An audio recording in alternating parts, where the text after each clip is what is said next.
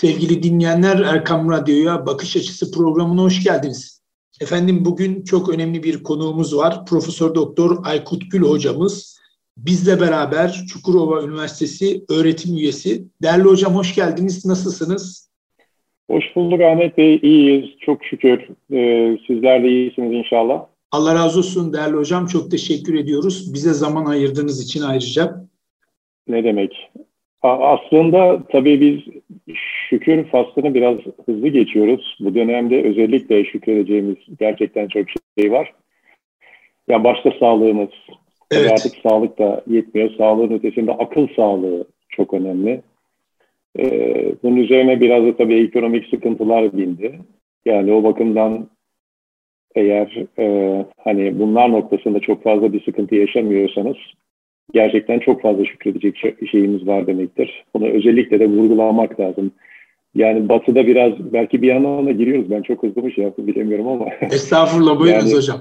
Ba- batıda e, bunu gratitude diye söylüyorlar. Sürekli böyle e, şükredin, şükran duyun.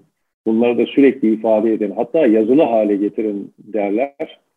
Ya biz biraz böyle dilimizde tesbih olması güzel bir şey ama bazen de böyle çok şey hani adet yerini bulsun babında söylüyoruz çok içselleştirmeden. O nedenle gerçekten bunu iyi vurgulamak lazım Ahmet Bey. Evet e, değerli hocam çok önemli e, şeyler söylediniz. E, daha da söyleyeceğinizi de zaten biliyoruz.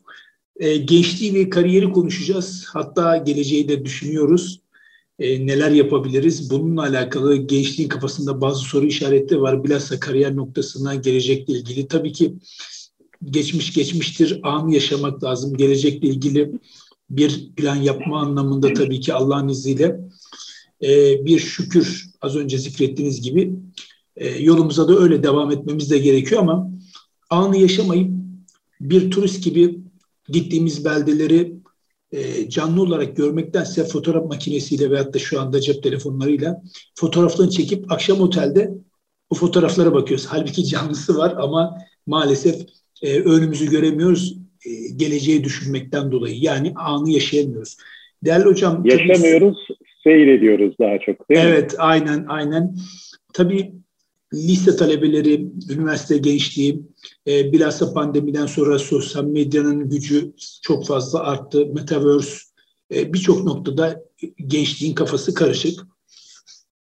E, neler söylemek istersiniz kariyer yolculuğu sırasında nelere dikkat edilmesi gerekir değerli hocam? Evet Ahmet Bey çok teşekkür ederim öncelikle davetiniz için. Ee, tabii faydalı olmaya çalışacağız. Yani gençlik sonuçta hem kendi çocuklarımız hem de üniversitedeki e, öğrencilerimize baktığımızda e, çok zor bir dönemden geçtiğimizi görüyoruz. Yani bir yandan onların kendilerine özgü problemleri var. İşte ergenlik var bir yandan, bir yandan işte e, gelecekle ilgili kaygılar var. E, bir yandan kafa karışıklıkları var. Ülkede yaşanan bir 15 Temmuz var. Sonrasında pandemi arkasına bastırdı. Onunla birlikte sağlık ve ekonomik problemler. Fakat şöyle baktığımızda şahsen ben en fazla etkilenen kesimi gençler olarak görüyorum. Yani biz bir yandan da böyle e, onları ötekileştiriyoruz işte Z kuşağı diyoruz, sürekli eleştiriyoruz, sürekli eleştiriyoruz. Yani e, bunlar çok da onların elinde olan şeyler değildi aslında. Yani bir yandan işte kontrol edemedikleri faktörler var, bir yandan da yani biz ne yaptık acaba onlar için ki yani bu kadar eleştirebilelim yani Z kuşağı ya da yeni gelen alfalar baktığımız zaman yani başta eğitimciler olarak bizler birinci derecede sorumluyuz diye düşünüyorum. Ciddi bir sorumluluğumuz var bu anlamda. Ailelerin çok büyük sorumlulukları var ihmal noktasında. Yani ben hem eğitimci hem de aile cephesinden kendi üzerime alıyorum bunları. STK'ların büyük sorumluluğu var, sivil toplumun. Yani e, biraz sonra her birine değinir miyiz bilmiyorum ama yani e, sivil toplum e, böyle pandemide hemen çok çabuk şey yaptı. Yani e, havlu attı tabiri caizse. Ya bir takım faaliyetleri böyle şimdi yaptığımız gibi işte uzaktan belki yapmaya çalıştık. Bunlarla da bir takım şeyleri yerine getirdiğimizi düşündük. Yani Zoom acayip popüler oldu. Yani herhalde marka yerine geçmiyordu. Yani böyle belirttiğimiz zaman teknoloji olarak belirtmiş olduğumuzdan dolayı. E, ve gençler şöyle baktığımız zaman hepimiz işte aynı şeyi görüyoruz. Odalarına kapandılar. Yani bilgisayarın başında, ekranın başında. Önce işte uzaktan eğitim e, verme çabası içerisine girdik. Ve e, onların tabii hepsinin imkanları da çok iyi değildi. Bu apayrı bir şey. İmkanı iyi olanlar için de zaten iyi bir gerekçe oldu bilgisayarın başına oturmak için. Yani şunu da biliyoruz ki maalesef bilgisayarın başında o verilen dersler de çok takip edilmedi. Ee, bir yandan hoca anlatırken en iyimser tahminde kulaklar belki oradaydı ama başka şeylerle uğraşılıyordu. Onu çok iyi biliyoruz. Hatta çoğu zaman da biz kaydı alma durumundaydık uzaktan verdiğimiz dersler üniversiteden ve onlar da şöyle baktılar. Ya nasılsa kaydediliyor ben daha sonra bunu izlerim. Ama düşünebiliyor musunuz? İki saatlik bir kayıt o anda sizin e, katılmanız gereken, ders ayırmanız gereken zamanı o anda yapmıyorsunuz.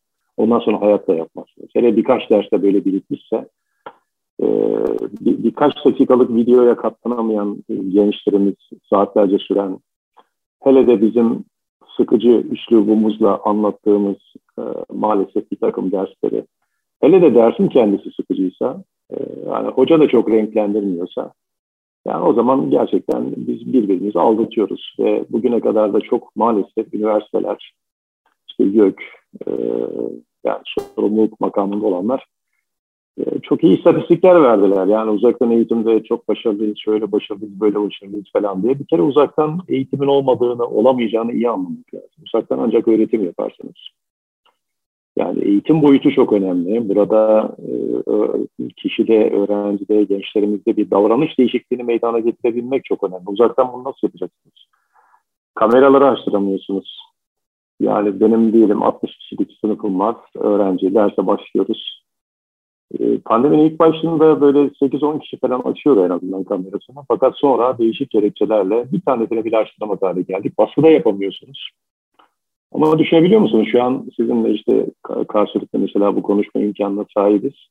Bu karşıda bir kişi olmadığı zaman e, konuşamıyorsunuz. Performansınız düşüyor. Yani öyle değil Motivasyon mi? yok. Yani duvara konuşur gibi. Duvara konuşuyorsunuz. Yani o ekranlar ben şahsen bunu yapamıyorum. E, şeylerde de bazen böyle röportaj için gelirler e, muhabir arkadaşlar. Ee, derim ki ya işte soruyu sorup kenara çekilmeyin. Biz mikrofona sadece konuşmayalım. Ee, biz size konuşalım. Yani size cevap verelim. insana cevap verelim şeklinde. İnanın bu performansı çok etkiliyor.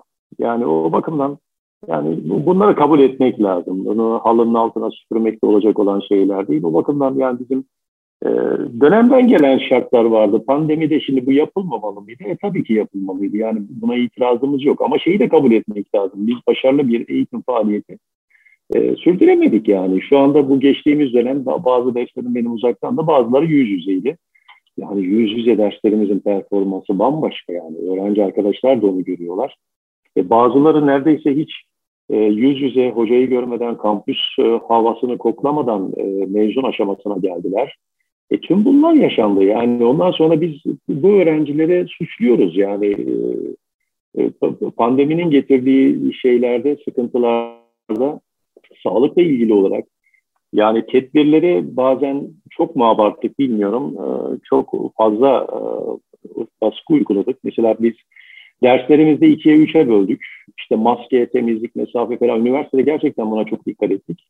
Ama bu öğrenci üniversiteye gelirken otobüsün içerisinde üst üste geliyor. Yani belki de 15-20 farklı e, vilayetten gelmiş, ilden gelmiş öğrenci arkadaşlar belki bir saat yolculuk yapmak durumunda kalıyorlar e, üniversite kampüsüne kadar. Ondan sonra siz istediğiniz kadar dikkat edin. Mesafe iki metre mesafe koyun ve, vesaire. Yani çok fazla bir e, anlam taşımıyor. Yani biraz böyle şekle çok fazla odaklanmak gibi geliyor bana. Yani bu, bunu ben özellikle vurgulamak istiyorum. E, bir, bir başkası birdenbire aşırı dijitalleştik. Yani önceden de tamam dijital ortamı kullanıyorduk falan ama şimdi zorunlu olarak ister istemez hem günlük hayatımızda hem de eğitimde birden dijitalleştik. Ve dijitalleşirken de yani bu kötü bir şey anlamda söylemiyorum ama biz verimlilikten ziyade maalesef ki böyle e, zaman israfına e, çok fazla. Hatta zamanın da ötesinde biz hep zaman yönetiminde konuşuruz işte zaman israfı şu kadar işte önemli vesaire diye bahsederiz ama e, bana göre enerji yönetimi daha önemli. Yani bizim enerjimizi ekranlar sömürüyorlar. Böyle bir problemimiz var. Yani bizim için dijital verimlilik midir? Dijital bağımlılık mıdır? Dijital bağımlılık haline geldi. Yani mesela bir e, elinize kağıdı, kalemi almak, ondan sonra oraya notlar çıkartabilmek, o not çıkarma alışkanlığı bitti. Yani ben illaki kağıt kalem olsun demiyorum ama ekranlarda da not alınmıyor. Çünkü işte hoca bir takım şeyleri paylaşıyor. Nasıl onları biz çalışırız, ezberleriz bir şekilde. Böyle bir mantık var. O nedenle biz eğitimde ciddi anlamda şey kaybettik, irtifa kaybettik. Onu kabul etmek lazım. Çünkü yüz yüze gelemedik. Onlara koçluk yapamadık. Yani bizim akademisyen olarak en büyük görevimiz her şeyden önce e, gençlere iyi bir danışmanlık, mentörlük yapabilmektir. Şimdi işte yaşam koçluğu vesaire her alanda işte koçlarımız çok fazla ama yani ne kadar koçluk yapabiliyoruz bu çok önemli.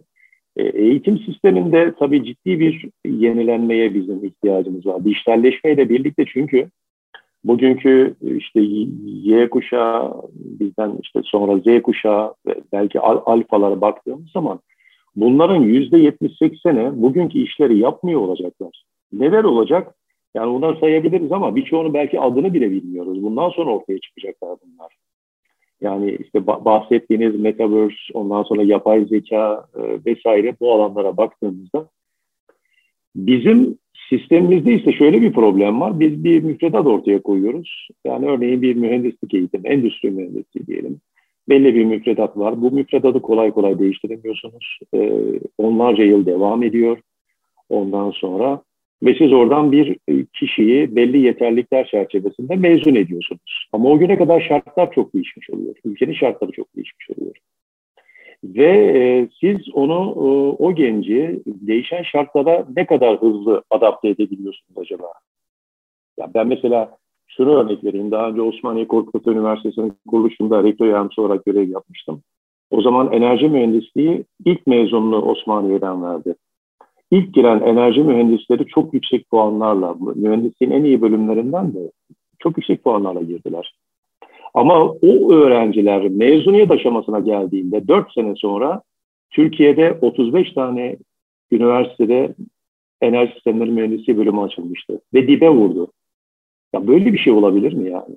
Benim girdiğim seneki e, puanlarla benim mezun olduğum sene arasında korkunç fark var birinde en çok aranan eleman durumundayım. O sene girdiğim sene mezun olmaya imkanım olsa ama dört sene sonra mezun olunca gecikmeli olarak e, şimdi bunu yani gencimizin ne suçu var burada? Bunu planlaması gereken yukarıda Ankara planlayacak değil mi? Yani YÖK planlayacak.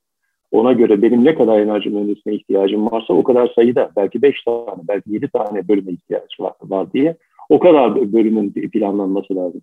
Ben bu örneği niye veriyorum? e, önümüzdeki zamanda işte çok yeni e, istihdam alanları ortaya çıkacak. E şimdi biz hala işte diploma, diplomanın önemi giderek kayboluyor e, Ahmet Bey.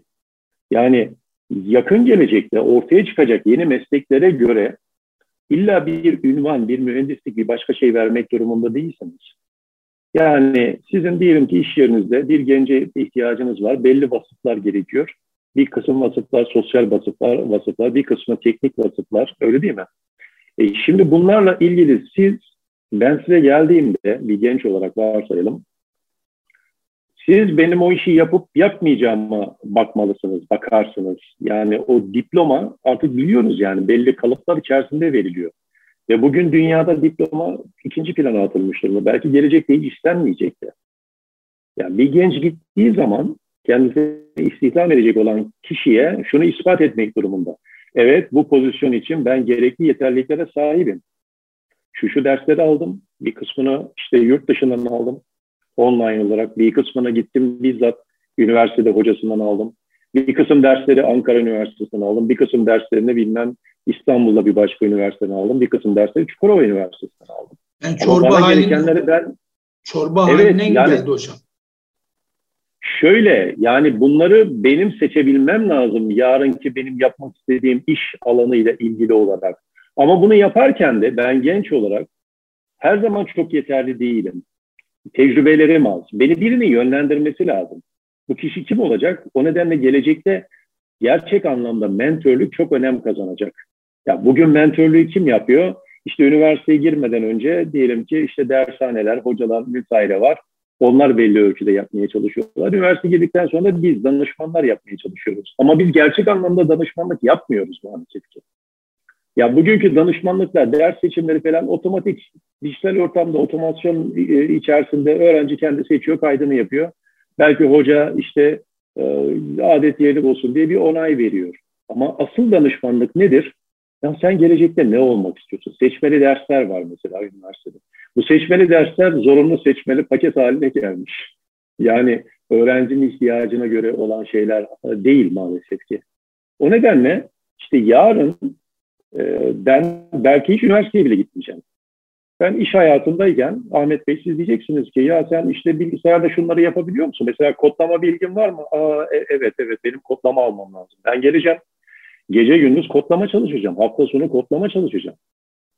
Mesela bir sosyal medya uzmanlığını düşünün. Böyle bir şu an bölüm yok Türkiye'de. Yakın var, yeni medya vesaire deniyor ama yakın bir takım bölümler var.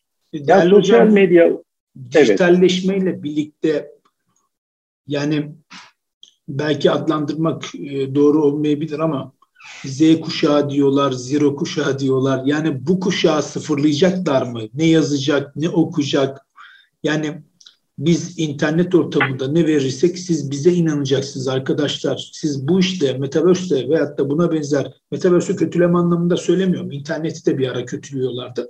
İnternetin iyisini alırsın, kötüsüyle ilgilenmezsin, yoluna devam edersin. Ancak yönlendirme işte bu yoldan gideceksin gibi böyle baskılarla, reklamlarla, farklı boyutlarla bu gençliği kafasını karıştırarak siz burada takılın biz dünyayı yönetelim gibi bir sistem mi geliyor? Şimdi şöyle, yani her şeyden önce biz millet olarak çok fazla dövünmeyi e, seçiyoruz, şikayet etmeyi. Yani bir takım e, insan olarak e, kontrol edebileceklerimiz var, kontrol edemeyeceklerimiz var. Yani şu an dijitalleşmeye, internete, daha sonrasında metaverse'e, yapay zekaya bunlara karşı çıkmak mümkün değil tabii ki. Bizim karşı çıktığımız nokta bunun bağımlılık haline gelmesi ve zaman kaybı haline gelmesi. Yani bugün mesela ben çoğunlukla sabahleyin işte 7, 7.30, 8 gibi e, üniversitede olmaya çalışıyorum. Niye? Kimse gelmeden sessiz, sakin işlerimi toparlayayım. Yani bilgisayarda, ya bilgisayarı ben çok e, meraklı olan bir insanım. Programlama yaptım yıllarca, bilgisayar yazılımları geliştirdim. Yani saat 9-10'a kadar ben işlerimin büyük çoğunluğunu tamamlıyorum. Ondan sonra rutin olan işleri yapıyorum. Diğer rutin olan geri kalan işleri yapmaya çalışıyorum. Yani o bakımdan çok meraklı birisi olmama rağmen eğer siz şunu yapıyorsanız, diyelim ki 9-10'a kadar işi bitirdiniz. Geri kalan zamanda siz internette, sağda solda, sosyal medyada ne bileyim işte bir genç için baktığınızda oyunlarla vesaire zaman öldürüyorsanız o zaman o internetin veya bir dijitalde ortamın size sağladığı bir fayda yok ki. Üstelik de enerjinizi sömürüyor. Çünkü bizim hepimizin yani 24 saat olduğu gibi enerji olarak da diyelim 100 birim enerjimiz var. Yani ben oturup bunu elime telefonla ya da bilgisayarla sosyal medyada günde 4-5 saatimi belki daha fazla zamanı geçirdiğim zaman benim ne derslere ne diğer konulara e, ayıracak odaklanma ve enerji e, verme anlamında zamanım kalamaz. Enerjim kalmaz geriye. Dolayısıyla bugünün problemi odaklanamama. Yani sizler özellikle medyada bunu daha rahat görüyorsunuz. Yani eğer videonun süresi 5 dakikaysa kimse onu kolay kolay izlemiyor ya da iki hızla izlemeye çalışıyorlar. Halbuki biz tam tersi diyoruz. Yavaşlatarak, sindirerek onları okumak, dinlemek, anlamak, gerekirse aktif dinleme yaparak onu notlar çıkartabilmek, not üretebilmek. Yani bizim mesela gençlerde bunu biz kaybettik. Çok da veremiyoruz dediğim gibi. Yani üniversitede İnşallah bundan sonra yüz yüze tamamen döneriz de bu dönem çok şükür benim derslerim hep yüz yüze. O bakımdan inşallah, çok inşallah değerli hocam. İnşallah. Yani o yüz yüzede de yalnız biz e, öğrenciyi ikinci plana atıyoruz. Önceliğimiz başka kaygılar, akademik kaygılar, ne bileyim işte bir takım danışmanlıklar e, vesaire. O nedenle bizim asli unsurumuz gençlerdir, öğrenci arkadaşlarımızdır. Onlara bizim zaman ayırmamız, mentörlük yapmamız gerekiyor. O bakımdan da Bizim en büyük problemimiz gençleri hayata hazırlayabilmek. Hangi branş olursa olsun. Bir kere benim e, öğrenci arkadaşım mezun olduktan sonra hayata atıldığında, bir problemle karşılaştığında ben bu problemi nasıl çözebilirim? Problem çözme tekniklerini bilmesi lazım. Doğru bilgiye, bakın bilgiye ulaşma demiyorum. Bilgi her yerde artık. Ama maalesef ki kirli bilgi. Dezenformasyon çok fazla, misenformasyon çok fazla maalesef ki. Onun doğrusunu bulabilmek, sonra onu anlayabilmek, anladıktan sonra kendi e, bilgi dağarcığından geçirerek yeni bir fikir haline getirip onu kaleme dökebilmek ya da sözlü olarak ifade edebilmek. Bu noktada sıkıntımız var. Yani bugünkü kaynakları, materyalleri okumak, anlamak, sindirmek, sentezlemek, ondan sonra da karşı tarafa bunu aktarabilmek. Biz bunu hiç veremiyoruz. E bunu vermediğiniz zaman hiçbir anlam ifade etmiyor. Değerli hocam e, çok önemli bilgileri anlatıyorsunuz, aktarıyorsunuz. Allah razı olsun. Çok teşekkür ediyoruz. Kısa bir ara verelim Sayın Hocam. İnşallah kaldığımız yerden devam edelim. Sevgili dinleyicilerimiz kısa bir aradan sonra programımıza kaldığımız yerden devam edeceğiz. Kıymetli dinleyenler, sevgili Aykut Gül hocamızla beraberiz. Çukurova Üniversitesi öğretim üyesi Profesör Doktor Aykut Gül hocamızla kariyeri, plan, kariyer planlamayı ve süreçlerini konuşuyoruz. Ee, değerli hocam, ilk bölümde dijitalleşmeden bahsettik ve bu sürecin e, bizim için yansımalarına da bakıyoruz. Değerlendirmeleriniz çok önemli bizler için. E, 12. sınıfa gelmiş ve maalesef hangi bölümü okuyacağını bilmeyen çok öğrenciyle karşılaşıyoruz. Bu noktada Bizler hem öğrenci koçluğu yapıyoruz. Az evvel koçlukla ilgili söylemiştiniz. Hızlı okuma teknikleri noktasında da sınava öğrenci, e, öğrencileri hazırlıyoruz. Hocam neler söylemek istersiniz? Yani bizim gençliğimizin hikayeleri mi bitti, kafalar mı karışık? E, bu şey açısından mı diyorsunuz? Üniversiteye hazırlanan gençler Evet, evet. E, hem o hem evet. Üniversiteye girdikten sonra da değerli hocam zaman yönetimini sonra, evet. gerçekten zaman yönetimini de çok iyi değerlendiremiyorlar. Mesela biz üniversiteye konuşmaya gidiyoruz üniversitelere. Yani bu İngilizceyi bitiremiyorlar, halledemiyorlar. E, iş hayatına atılınca bu sefer zamandan tasarrufu yapamıyorlar. E, kazandıkları paranın bir kısmını maalesef dil kursuna veriyorlar. İşten çıkınca dil kursuna gitmek durumunda. Yani İngilizlerin bir tabiri vardır. Waste of time, waste of money diye. Yani hem zamana yazık hem paraya yazık derler. Bizim için de geçerli gerçi ama e, zamanında yapılmayan şeyler birikiyor. Sizin ilk bölümde anlattığınız üzere iki saatlik bölümü hocaya anında soracağı yerde işte kayıt yaptırıp bir de bu 3-4 derste üst üste sığdığında ne oluyor? 8 saat yapıyor. Bunu dinlemesi mümkün değil diyorsunuz. Çok da haklısınız. E, neler söylemek istersiniz? Evet, yani biz tabii üniversiteye geldikten sonraki kısmıyla çok ilgileniyoruz ama benim gözlemlerim şöyle, biz birkaç yılımızı üniversiteye girebilmek için hazırlık uğruna zamanımızı harcıyoruz, tüm dersleri çalışıyoruz, habire sınavlara giriyoruz. Ancak e, ne zaman e, seçim konusuna geliyoruz, işte puanımız geliyor, acaba nereyi tutturabiliyoruz? Benim yapmak istediğimden ziyade puan, gelen puan önemli. Ee, ve il dışına çıkabilecek miyim? Başka bir ilde eğitim görebilecek miyim? Çünkü ailenin durumu da önemli bu anlamda. Ee, fakat çoğunlukla belki de son bir, bir, bir ay içerisinde ağırlıklı olarak biz kararımızı vermiş oluyoruz. Yani o sınava girdikten sonraki dönemde, hele de puan geldikten sonra ve orada da maalesef ki e, yönlendirmede ciddi sıkıntı var. Nasıl? Şöyle söyleyelim, anne baba kendi cephesinden bakıyor. Yani diyelim ki oğlum kızım doktor olsun örneğin bana baksın diyor varsayalım. Yahut da işte e, maaş durumuna falan bakıyor. İşte eski tabirle SSK'lı olsun şeyi var ya SGK hayat güvencesi falan anlamında. Buradan bakıyor. Yani hocalarımıza baktığımızda da hepsini tabii şey yapmak mümkün değil ama genelde şöyle bir kaygı var. Ya işte yüksek puanlı, popüler, iyi üniversite ve iyi bölüm. Dolayısıyla kişinin yeteneğinden ziyade mümkün olduğu kadar o tarafa doğru yönlendirme gibi bir kaygı ortaya çıkabiliyor. Ve e, genelde gelen öğrencilerin büyük çoğunluğunun da yani branşlara göre değişmekle birlikte bir pişmanlık yahut da ben buraya niye geldim gibi e, çeşitli bölümlerde böyle sorgulamalar yaşadıklarını görüyoruz. O nedenle benim tavsiyem şu, üniversiteye girmeden önce çok değişik kesimlerle, o, o, o alanda çalışan insanlarla ondan sonra üniversiteye gidip yani gelsinler biz alıyoruz. Çoğu zaman böyle öğrenci arkadaşlarımızla konuşuyoruz, anlatıyoruz. O bölüm ne yapar, izah etmeye çalışıyoruz. Yani. Tüm hocalarımız eminim bu konuda e, zaman e, ayıracaklardır. Hiç korkmalarına, çekinmelerine gerek yok. Bu en az o sınava hazırlanmak kadar önemli. Ve ben işte çok yüksek puan aldım. Örneğin e, benim işte tıp puanım var. Ve ben işte başka tarafa yani seçim yapma şansım yok. Orayı seçeceğim ama yani ben bu mesleği sevmiyorum. Yapma imkanım da yok. Yani beni kan tutuyor. E, ben burada başarılı olamam hiç sevmediğim bir alanda. Ama e, böyle bir şansımız yok. Batık maliyet diyoruz ya biz işte o puan gelmiş. Başka bir şey seçtiğin zaman çoğu kimse seni mahalle baskısı, işte kınamalar vesaire, işte yarın çok pişman oluyorsun gibi bir takım şeyler. Halbuki esas olan şey nedir? Sevdiğiniz e, işi yapabilmektir. Sevdiğiniz mesleği seçebilmektir. Çünkü orada ne kadar mezun olursa olsun eğer siz onu gerçekten çok seviyorsanız en iyisi olursunuz ve en yukarılarda yer alırsınız. Yani bunu bir kere iyi anlat anlatabilmek lazım.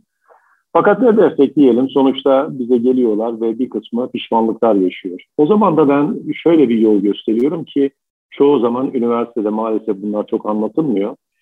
E, merkezi yatay geçiş var. Normal yatay geçişin dışında yani her yıl 2-3 kişilik kontenjan bölümler arasında böyle geçiş için ayrılır. Ama bir de merkezi yatay geçiş var. Merkezi yatay geçişte de tabii son yönetmeliğin haline bakmaları lazım. Bir değişiklik var mı ondan emin değilim. Ama şu yapılabiliyor yani burada.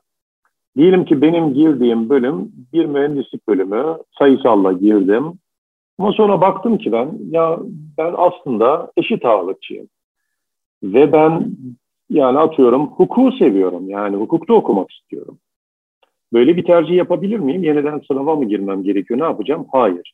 Eğer sizin o puan türünüzde varsa zaten aynı puan türünde sorun yok. Başka bir üniversiteyi çok rahatlıkla tercih yaparak geçebiliyorsunuz birinci yılın sonunda. Yani endüstri mühendisliğine girdiniz sonra pişman oldunuz. Mekatronik'e geçmek istiyorsunuz. Ee, bir başka üniversitenin bir başka bölümüne tercihte bulunabilirsiniz. Ama ben biraz uç örnek veriyorum. Mühendislikten hukuka geçebilirsiniz. Hukuktan örneğin e, bir başka alana eğer puan türü var ise cebinizde yani o girdiğiniz yıl o puan türünden de elde etmeniz gerekiyor. O zaman geçebiliyorsunuz. Ya bunun çok hani şunu söylemeye çalışıyorum. Dört yıl acı çekmek ve ondan sonra da sevmediğiniz bir mesleği bir ömür boyu yapmak ki artık emeklilik yaşı da yükseldi, Ondan sonra e, kolay kolay yani oradan e, başka tarafa geçmek de çok çok kolay değil. Yani baştan yol yakınken hani dönebilmek. Bunu da işte hani koçluk, mentörlük diyorum ya. Bunu bizim yapmamız lazım. Yapmıyoruz ama yani bunu anlamak gerekiyor. O nedenle de öğrenci arkadaşlarımızın bunu telafi etmesi gerekiyor. O nedenle şimdi not alsınlar. Merkezi yatay geçiş. Kontenjan da çok fazla. Yani diyelim ki 90 kişilik bir e, bölümde 30 kişilik, üçte bir, 30 kişilik kontenjan ayrılıyor. Ve ben somut örneğini vereyim. Yani benim kızım şeydeydi, Gazi hukuktaydı. Ondan sonra bir gün dedi ki ya baba ben İstanbul'da okumak istiyorum dedi. Marmara hukuka geçmek istiyorum. Ondan sonra inceledik, baktık merkezi yatay, yatay geçiş o zaman gündeme geldi. Başvurusunu yaptı. Ve o yılın puanı e, Gazi'ninki Marmara'dan daha üstteydi. Öyle olduğu için de Marmara'ya pat diye geçiş yaptı, kabul edildi. Sonra ben listeye baktım.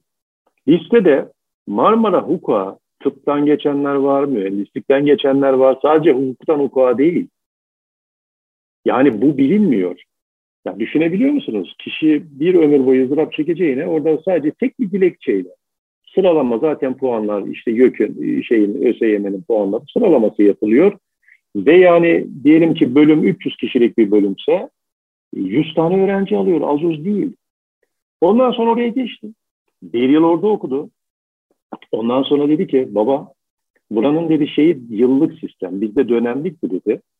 Burada dedi ben biraz zorlandım. Ben bir geri dönmek istiyorum. Araştırdık var mı böyle bir şey? Tek bir dilekçeyle. Pişman oldum ben geri dönüyorum. O kadar. Dilekçe verdi döndü tekrar. Ve Ankara'dan mezun oldu ondan sonra. Pekala hocam bunu... niye niye anlatılmıyor değerli hocam? Yani burada bir, sistemsel yani, olarak bir, bir hata iki, var. İki neden yani. var. Evet yani iki neden var. Bir, böyle bir derdimiz olması lazım önce.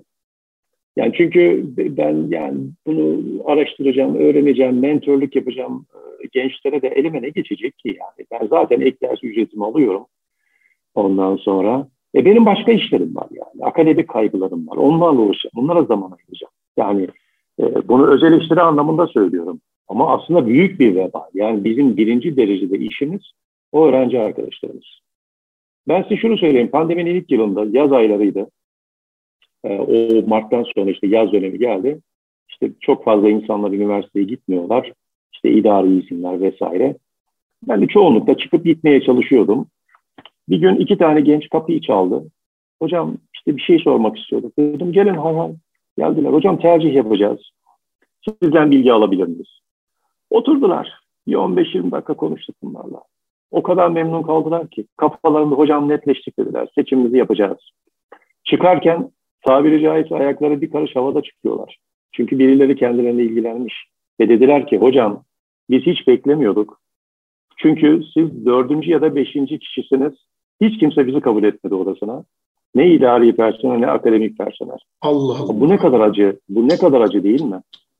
Ve bu öğrenciler daha sonra bir aradan zaman geçti. Tekrar geldiler. Hocam biz tercihimizi yaptık. Filan filan yerleri kazandık. Size teşekkür için geldik. Ya bu ne büyük bir manevi tatmindir değil mi? Ve e, vermekse eğer illa maddi bir şey vermeniz gerekmiyor. Bu zaten bizim görevimiz de hani ekstra yapıyorsak eğer bu en büyük hayırdır. Öyle değil mi? Yani bizim herkesin zekatı, sadakası kendi nevindendir. Yani bir iş adamı parasal bir yardım yapabilir ama biz eğitim ya da yol gösterme anlamında bunu yapıyorsak öyle değil mi? Ve yıllar sonra zaten onlar karşınıza çıkıyor. Hocam siz zamanında işte bize şöyle, şöyle yol göstermiştiniz. Biz ona uyduk. Şu an ben filan yerde şu konumdayım ve şu işi yapıyorum diyor. Ve o kişi de etrafını aydınlatıyor. Ya bunu bir kere iyi anlayabilmek lazım. Dert edinmek lazım. Ondan sonra bilgilendirmek lazım. Bu bilgilendirmede sıkıntı var. Peki bu bazen etme benim öğrenci arkadaşım için. Biz diyelim ihmal ettik. Onların da bunu öğrenmesi lazım. Sorması lazım, araştırması lazım. E, bugün online artık yani o merkezi yatay geç adını söylemişti. Yani o yönetmeliğe girip çok rahatlıkla arkadaşlarımız bakabilirler. Günah değil mi yani dört yıl istemediği bir bölümde devam etsin? Ve bakın ben çok uç bir örnek verdim. Yani kızım gitti, bir yıl okudu, ondan sonra geri geldi. Yani bir yıl Farabi programı gibi gitmiş oldu yani neredeyse. Öyle bakın gitti, orayı da de, deneyimlemiş oldu. O nedenle biz o koçluğu gerçekten e, çok iyi yapabilmemiz lazım. Ve başladıktan sonra da diyelim ki 3'e 4'e geldiniz, üniversite bitecek artık. Yani değiştirmek, yani ben işte pişman oldum ya bıraksam yeniden sınava girsem falan. Ben onu çok şey yapmıyorum şahsen. Yani e, biz e, başlangıçta yapma imkanımız varsa yapalım ama sonrasında da e, isterseniz onu da sevebilirsiniz. Yani onu iyi yaparsanız seversiniz netice itibariyle. Tabii biraz da piyasayla işi dışı da olmak lazım. Bizde orada da eksiklik var. Az önce dediniz ya hani niye olmuyor? Çünkü biz onlarda ihtiyaç uyandıramıyoruz. Mesela yabancı dil dediniz örneğin. Yani üniversite bitiyor. Üniversitede bizde mesela yüksek lisanslı hazırlık var. İngilizce bir yıl hazırlık alıyor ya da birçok lisans programlarında bir yıl hazırlık var. Ondan önce lise, ortaokul falan bunları saymıyorum. Ama yok iki kelime bir araya gelmiyor. Ama öbür taraftan ben şunu biliyorum ki mesela bazı iş adamları için işte adam diyelim ki yurt dışı bağlantıları var. işte bir takım e, yurt dışına gidecek. E, biraz İngilizce konuşabilmesi lazım. Öyle kurumlar var ki sizi böyle şeye alıyor, yoğunlaştırılmış bir kamp programına alıyor tamamen İngilizce yüklüyor ve siz öneminin farkındasınız. Gidip ben iş bağlantısı yapacağım ve bana İngilizce çok lazım diyorsunuz. Örneğin yabancı dil çok lazım diyorsunuz. O kampa girip birkaç ayda sizin hani gramer falan belki ikinci planda kalıyor ama normal diyalog kurabilir hale gelmenizi sağlıyor. Bu neden? Bana göre eğitim yönteminden ziyade ihtiyacın bilinmesi meselesi. Siz eğer benim buna ihtiyacım var derseniz online kaynakta bulursunuz, ilgili kişileri de bulabilirsiniz. Her türlü o imkanı oluşturabilirsiniz diye ben düşünüyorum. Ve son sınıfta bizim bitirme tezimiz vardı lisansta hatırlıyorum. Yani çoğu zaman geçiştirilir bu. Ama ben dedim ki ya piyasayla e, bu, bu konuda ben işte tarım ekonomisi benim alanım. Özellikle de piyasa konusunda e, pazarlaması konusunda bir takım ürünlerin ben çıktım çok büyük firmalarla görüşmeler yaptım ve hazırladığım tezi de İngilizce olarak yazdım sonra. Arkadaşlarım tabii çok bana şey yaptılar ya işte falan ne yapıyorsun iş, iş çıkarıyorsun falan diye. Ve ben şunun faydasını şöyle gördüm. Daha sonra üniversite bitti, yurt dışına gittim ben bir kanalla. İngiltere'ye gittim, sonra Amerika'ya gittim. Ve ben İngiltere'ye gittiğimde mezuniyetten bir iki ay sonra o firmalardan bir tanesi arıyor evi. O zaman cep telefonu falan yok tabii ki. Sabit telefondan. Diyorlar ki yarın gelsin başlasın bizde işe diye. Niye? Çünkü network'ü kurdunuz. Bakın network kurdunuz. En büyük faydası bu. O nedenle mesela bir arkadaşımız diyelim ki mühendislik okuyorsa şimdi mühendislik stajını yapsın. Ama onun dışında gitsin bir de hukuk bürosunda staj yapsın ya. Farklı bir alanda yapsın. Ya da hukukçu bir arkadaşımız teknik bir alanda gitsin staj yapsın. Farklı yönleri de görebilsin. O size çok farklı bir bakış açısı getirecektir. Çok Aynen. kazanımlar sağlayacaktır. Aynen. Değerli hocam tabii geçmişte okumak belki şartlardan dolayı zor olmuş olabilir. Belli bir noktaya getiriyor. Belli bir noktadan sonra evet. artık iş daha da zorlaşıyor. Şart oluyor. Sonra yüksek lisans, sonra doktora. İlk bölümde bahsettiğiniz üzere belki de diploma da gerekmeyecek. Yani alaylı olma gibi. Çünkü gerçekten ben e, Allah nasip etti çeşitli ülkelerde okuma fırsatımız oldu, gittiğimiz yerler oldu. Berber çırak bulamıyor. Esnaf pazarlamacı bulamıyor. Yani bitti. Bazı sektörler bitiyor ve yeni nesil kardeşlerimizin bir kısmı en azından söyleyelim. iş noktasında gerçek manada iş beğenmiyor. Ben Avustralya'da okuduğum dönemde bir gün bir birisi yüksek lisansa başvuru yapmak istiyor ama lisans diploması yok. Ee, okulla görüşüyor. Ne yapabiliriz gibilerinden. Çünkü bir yani fırsat olmamış ama hasbelkader oraya bir şekilde gelmiş. Yüksek lisans da yapacak şeyi yok. Çünkü diploması olmadığı için ama bir şekilde de kendini yetiştirmek istiyor. Sertifika programlarını araştırıyor. Sonra bu noktada böyle konuşma sırasında okul yönetiminden şunu teklif ediyorlar. Siz belli bir yaştasınız. Yani lisans dönemini geçmişsiniz. Yüksek lisans dönemine denk gelen bir yaştasınız. Eğer çalışma hayatınızı 3 sene gösterebilirseniz size yüksek lisans başvurusu için izin verebiliriz diyorlar. Hocam muhteşem bir şey. Yani e, çünkü evet. hayat zaten bir e, derler yani nereden mezunsunuz? Hayat Üniversitesi'nden Tabii. derler bazı Tabii. büyüklerimiz. Tabii.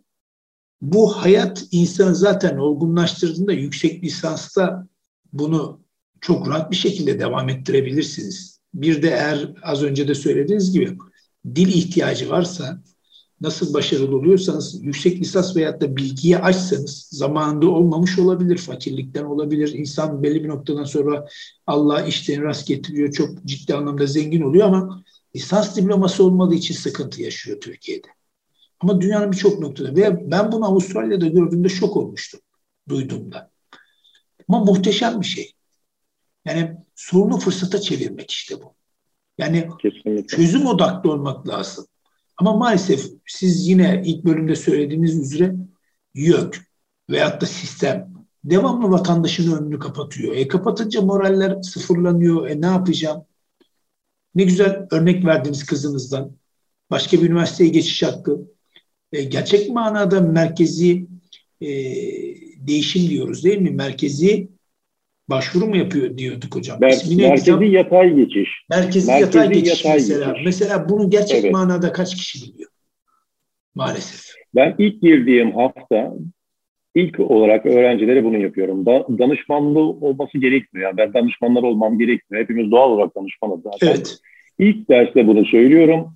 Bak, bakıyorum böyle bir dalgalanma meydana geliyor. İlgi uyanıyor. Arkasına sorular geliyor falan. Arkadaşlar bir dakika diyorum. Bugün dersimizi biz yapalım, dersi kaynatmayalım. Ayrıca sizinle bir kariyer sohbeti ya da semineri yapalım diyorum. Ve onlarla bu sefer birkaç defa böyle o dersin dışında başka bir bölüm benim öğrencilerim değil. İlgi uyanıyor çünkü hepsi meraklı yani bu konuda haklılar. Onu bu şekilde yapmaya çalışıyoruz. Ve ben yani şunu söyleyeyim bundan sonra artık diploma olayı bizde devam ediyor ama Batı'da önemini ciddi e, anlamda kaybetti Sadece siz o işi yapabildiğinizi ispat noktasındasınız. Az önce şeyi tamamlayamadım ben o sosyal medya uzmanlığı örnek vereyim. Mesela Buyurun. bugün çok popüler. Yani bir şirket diyelim ki satışını artırmak, kendini tanıtabilmek, PR yapabilmek anlamında sosyal medyaya ihtiyacı var. Ama bunu amatörce değil de bu işi iyi bilen birisiyle yapmak istiyor. Adı illa sosyal medya uzmanı da olması gerekmiyor. İşin tanımı belli. Şimdi bu kişinin neye sahip olması lazım? Bir yandan teknik bilgileri bilmesi gerekiyor bilgisayar konusunda belli bir teknik altyapısı olacak. İkincisi kodlama bilecek mutlaka. Onun dışında e, sosyal tarafa geçiyorum. İfade gücü iyi olacak. Hemen böyle tıkır tıkır tıkır böyle kısa bir şekilde çok öz bir şekilde bilgiyi oraya girebilecek. içerik üretebilecek. Onun için de dili hakimiyeti olacak değil mi? Yani edebiyat konusunda belli bir altyapısı olacak. Çok okumuş olacak. İyi yazabilecek ondan sonra. Yani iletişim yeteneği iyi olacak.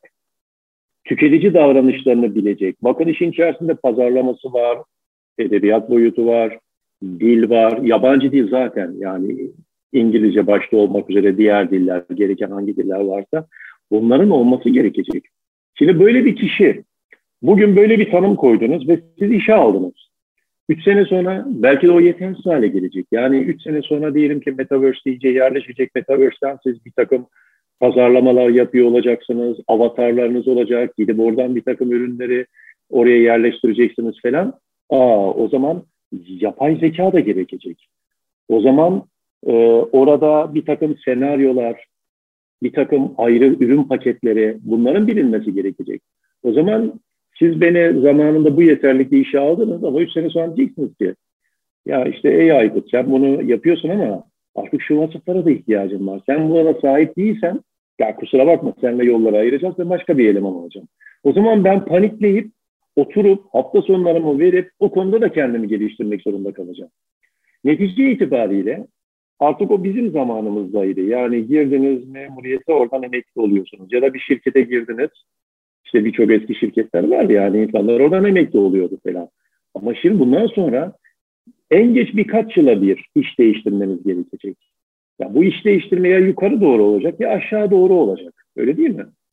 Hele de bir de şöyle bir sıkıntımız var bizim. Yani bu işlerin çoğunu zaten robotlar, yapay zeka vesaire devralacağı için sizin vasıflarınızın onların yapamayacağı alanlarda olması gerekiyor. Yani insani alanlarda olması gerekiyor ve değerler noktasında yani empatidir, liderliktir, ikna yeteneğidir vesaire vesaire. Bunlar robotta yok. Ama sizde de yok çünkü artık kapalı ortamdasınız, bilgisayarın başındasınız. Takım oyunu kalmamış. Şimdi bakıyorum bizim çocuklar falan böyle yenildikleri zaman alfalara baktığımızda ortalığı yıkıyorlar. Yenilgiyi bilmiyorlar. Biz zamanında yenildiğimizde de kabul ederdik yani onu sindirirdik. Ama niye? Hepsi tekler, tek başına. Yani arkadaşlarıyla online bir şey yapıyorlar, oynuyorlar falan ama hiçbir interaksiyon yok. O nedenle bugün kazanacak olanlar gelecekteki bu değişime ayak uyduracak olanlar. Bu ayak uydurma noktasında da bir numaralı şey bir kere yani ben şeye çok girmedim. Hayatın anlamı ile ilgili olarak anlam ihtiyacı bir kere Evet, var. aynen, aynen hocam. O büyük şemsiye, ana hedef, onun mutlaka olması lazım. O yoksa zaten bir anlam taşımıyor. O zaman tamamen maddi ölçülerden gidiyorsunuz. Maddi ölçülerde de yine ihtiyaç olarak sizin onu görebilmeniz. Bunun birileri sizde ihtiyaç uyandırması lazım. O da nasıl olacak? Ben piyasaya çıkacağım, bakacağım, aa benden bunlar talep ediliyor. O zaman ben geleceğim üniversite cephesinden de ben şu şu dersleri almak istiyorum diye talep edeceğim. İlla ki o bölüme girmem ve 24 saatimi harcamam gerekmeyecek. Birkaç tane ders alarak o eksikliği telafi edeceğim, gidereceğim. Bunun dışında da en önemli vasıf demek ki burada vurguladığımda öğrenmeyi öğrenme. Biz bunu öğretemiyoruz öğrencilerimize. Öğretemiyoruz derken öğretmemek yani elbette öğretebilirsiniz bu mümkün. Ama böyle bir derdimiz yok. Yani bizim öğrencimiz bugün bakın mezun olan bir öğrencimiz problem çözme tekniklerini bilse, öğrenmeyi öğrenmiş olsa, bir de ifade gücü olsa, zaten o da öğrenmeyi öğrenmenin içerisinde aslına bakarsınız. İfade gücü yeterli olsa hangi alanda olursa olsun İnanın çok rahatlıkla değişime adapte olur, kendini geliştirir ve çok çok iyi yerlere gelir. o öğrenmeyi öğrenme noktasında maalesef ki biz şey yapamıyoruz. Daha çok ezberci, hazırcı, ondan sonra belli kalıplara sıkıştırılmış, işte testlere cevap veren ama herhangi bir yorum ortaya koyamayan e, arkadaşlarımız, öğrencilerimiz maalesef. var. Maalesef, maalesef yorum Bu bizim gücü... başta bizim eğitimcilerin kabahati maalesef ki. E, estağfurullah değerli hocam sistemsel bir hata var İnşallah çözülür diye de dua edelim. Tabii yorum gücü çok önemli. Bilhassa LGS ve YKS sürecinde yorum gücüyle alakalı sorular çıkıyor. Ve onu geçen üniversitede tabii ki yorumlaması da lazım. Hayatın ta kendisi zaten yorum. Hocam, değerli hocam çok teşekkür ediyoruz bize zaman ayırdığınız için. İnşallah bir başka programda çok değerli bilgilerle inşallah tekrar inşallah. karşılaşırız. Ee, Allah razı olsun. Değerli dinleyenlerimiz bir programımızın daha sonuna gelmiş bulunmaktayız. Programımıza göstermiş olduğunuz alaka için de siz gönül dostlarımıza kalpten teşekkür bir borç biliyoruz. Önümüzdeki hafta aynı gün ve saatte tekrar görüşmek ümidi ve dileğiyle Allah'a emanet olun. Kulağınız bizde olsun.